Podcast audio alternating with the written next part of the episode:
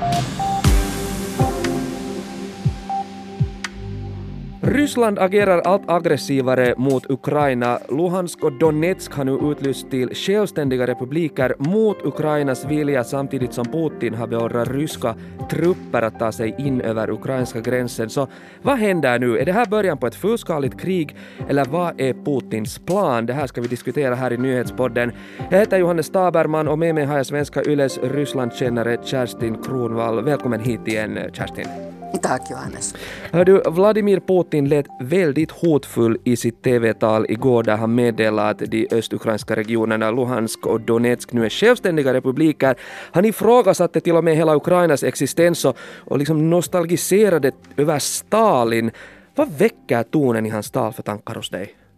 Det här var nog det obehagligaste tal jag har hört Putin hålla. Jag har hört honom hålla många obehagliga tal. Han var så fylld av hat, han var så fylld av förakt och han var så fylld av någon slags underlig försvarsvilja mot, mot fiender som, som han själv har har målat upp. Så det här var nog ett väldigt märkligt och väldigt obehagligt och skrämmande tal. Ja, hur ska man tolka det? Är det bara ord? Nej, det är nog inte bara ord, det har vi ju redan sett. Det, vi ska komma ihåg att, att Putin och Ryssland för ett krig i Ukraina sedan 2014. Och 2014 annekterade man Krim, alltså tog en stor del av Ukrainas territorium och helt enkelt bara uh, inkluderade det i Ryssland. Och nu håller man på med samma slags operation i östra Ukraina. Det här är, är verkligen mycket, mycket mera än ord.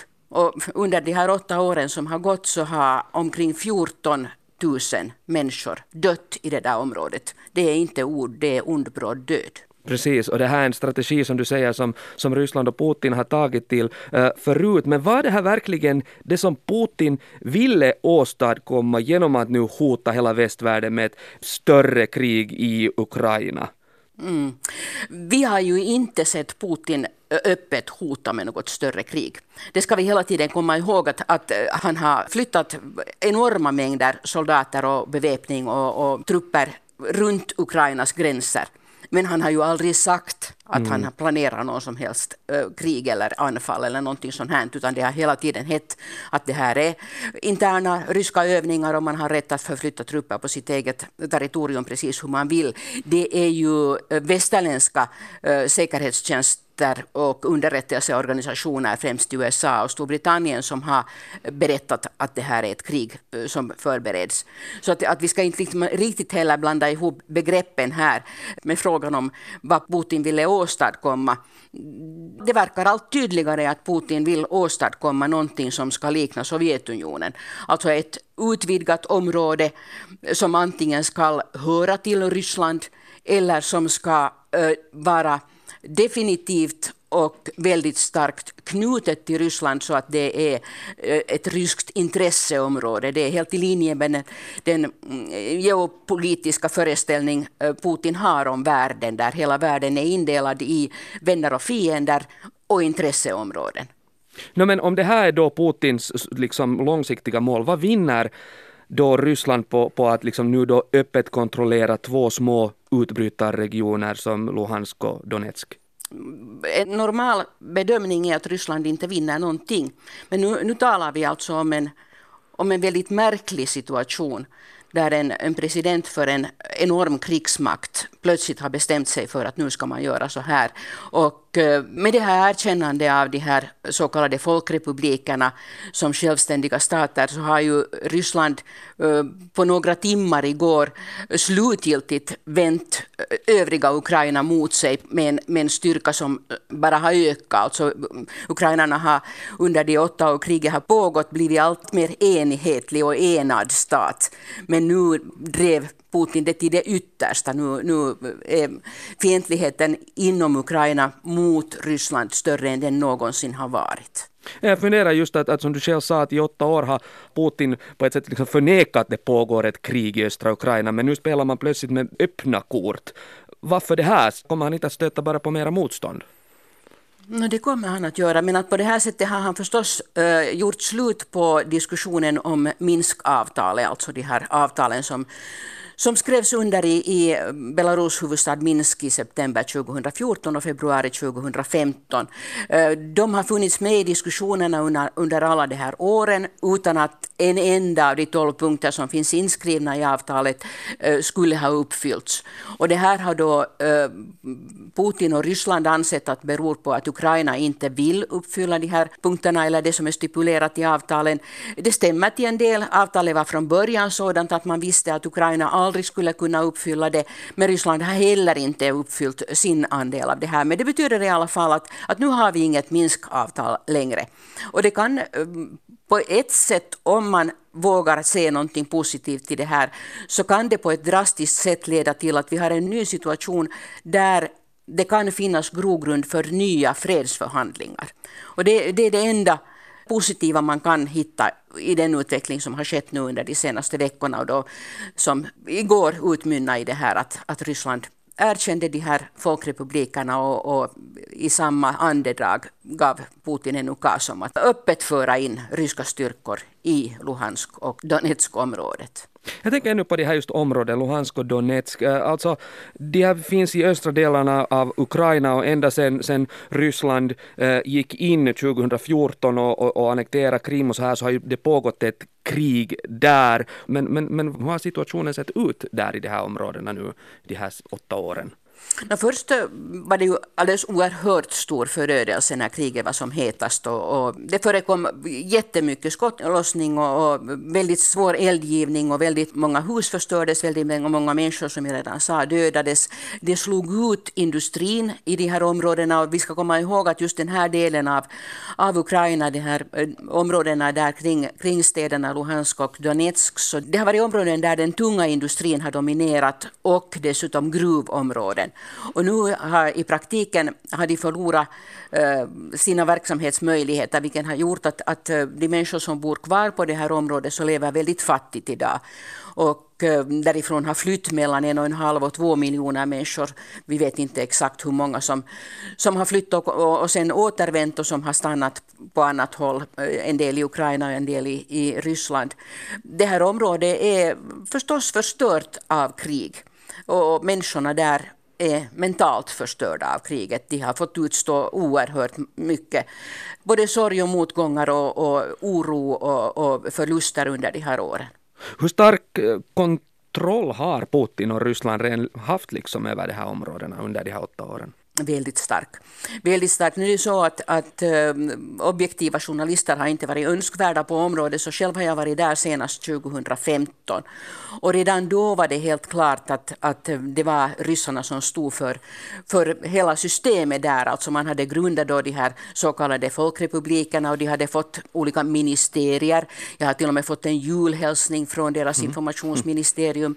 Och uh, ryska myndigheterna skötte om också sånt som, som till exempel hälsovård eller utbetalning av pensioner och allt sånt här.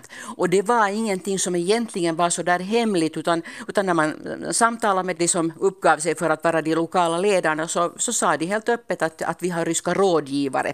Och sen var det också eh, när man träffade soldater där på området så var det eh, väldigt ofta så här att man frågade varifrån kommer du ursprungligen så lät de bli att svara och då visste man att de kom från Ryssland för de som kom från någon av orterna på området så berättade nog beredvilligt varifrån de kom. Så att Ryssland har varit närvarande där väldigt, väldigt eh, starkt ända sedan 2014. Men nu är man ju då öppet där och det betyder ju också att man öppet kan föra in beväpning över den här gamla gränsen mellan Ukraina och Ryssland som Ukraina inte har kontrollerat på åtta år. Nu när Ryssland nu säger att, att man ska gå in med så kallade citationstecken fredsbevarare i de här områdena för att, som det heter, trygga den ryska minoritetsbefolkningens säkerhet. Vem, vem är det egentligen, vems säkerhet är det Putin påstår sig nu trygga med den här manövern? Mm, han påstår sig ju trygga den ryskspråkiga befolkningens säkerhet. Han hävdar ju att det pågår ett folkmord i Ukraina där den ryskspråkiga befolkningen ska utplånas. Och han har ju också låtit evakuera tiotusentals människor från det här området. Eh, det är en slags uppvisning, de här stackars människorna är ett slags gisslan i en föreställning där Putin förklarar hur han skyddar dem.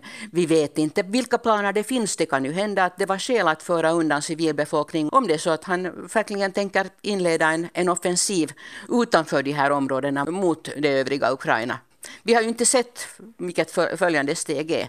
Ja, jag tänkte just på följande steg. Kan man räkna med att han nöjer sig med de här områdena eller, eller liksom fortsätter vägen in till Kiev så som USA ju har liksom nu varnat för här de senaste dagarna? Mm, det här vet vi inte. Nej. Det här vet vi verkligen inte. Och eh, jag tror att, att eh, det är oerhört få människor i hela världen som verkligen vet det här om, om Putin ens själv har bestämt det hittills. Eh, det ser mycket obehagligt och det ser mycket farligt och skrämmande ut. Men som sagt, vi vet inte och så länge vi inte vet så lönar det sig säkert att försöka hoppas på det bästa. Mm. USAs president Joe Biden har ju varit tidigare rätt vag med var gränsen går för att USA på något sätt ska sätta hårt mot hårt. Och Putin verkar ju tänja nu liksom på gränsen mer och mer. Men jag funderar liksom det här om Ryssland nu liksom tänker gå in över ukrainska gränsen med trupper och pansarvagnar. Borde det här inte ses liksom som början på ett fullskaligt krig? Mm. Den bedömningen kan man göra. Mm. Alltså det är ju en klart, ett klart brott mot internationella avtal, internationella regler, internationell rätt att gå in öppet med vapen och, och soldater på ett annat lands territorium. De facto har som sagt Ryssland varit där redan i åtta år.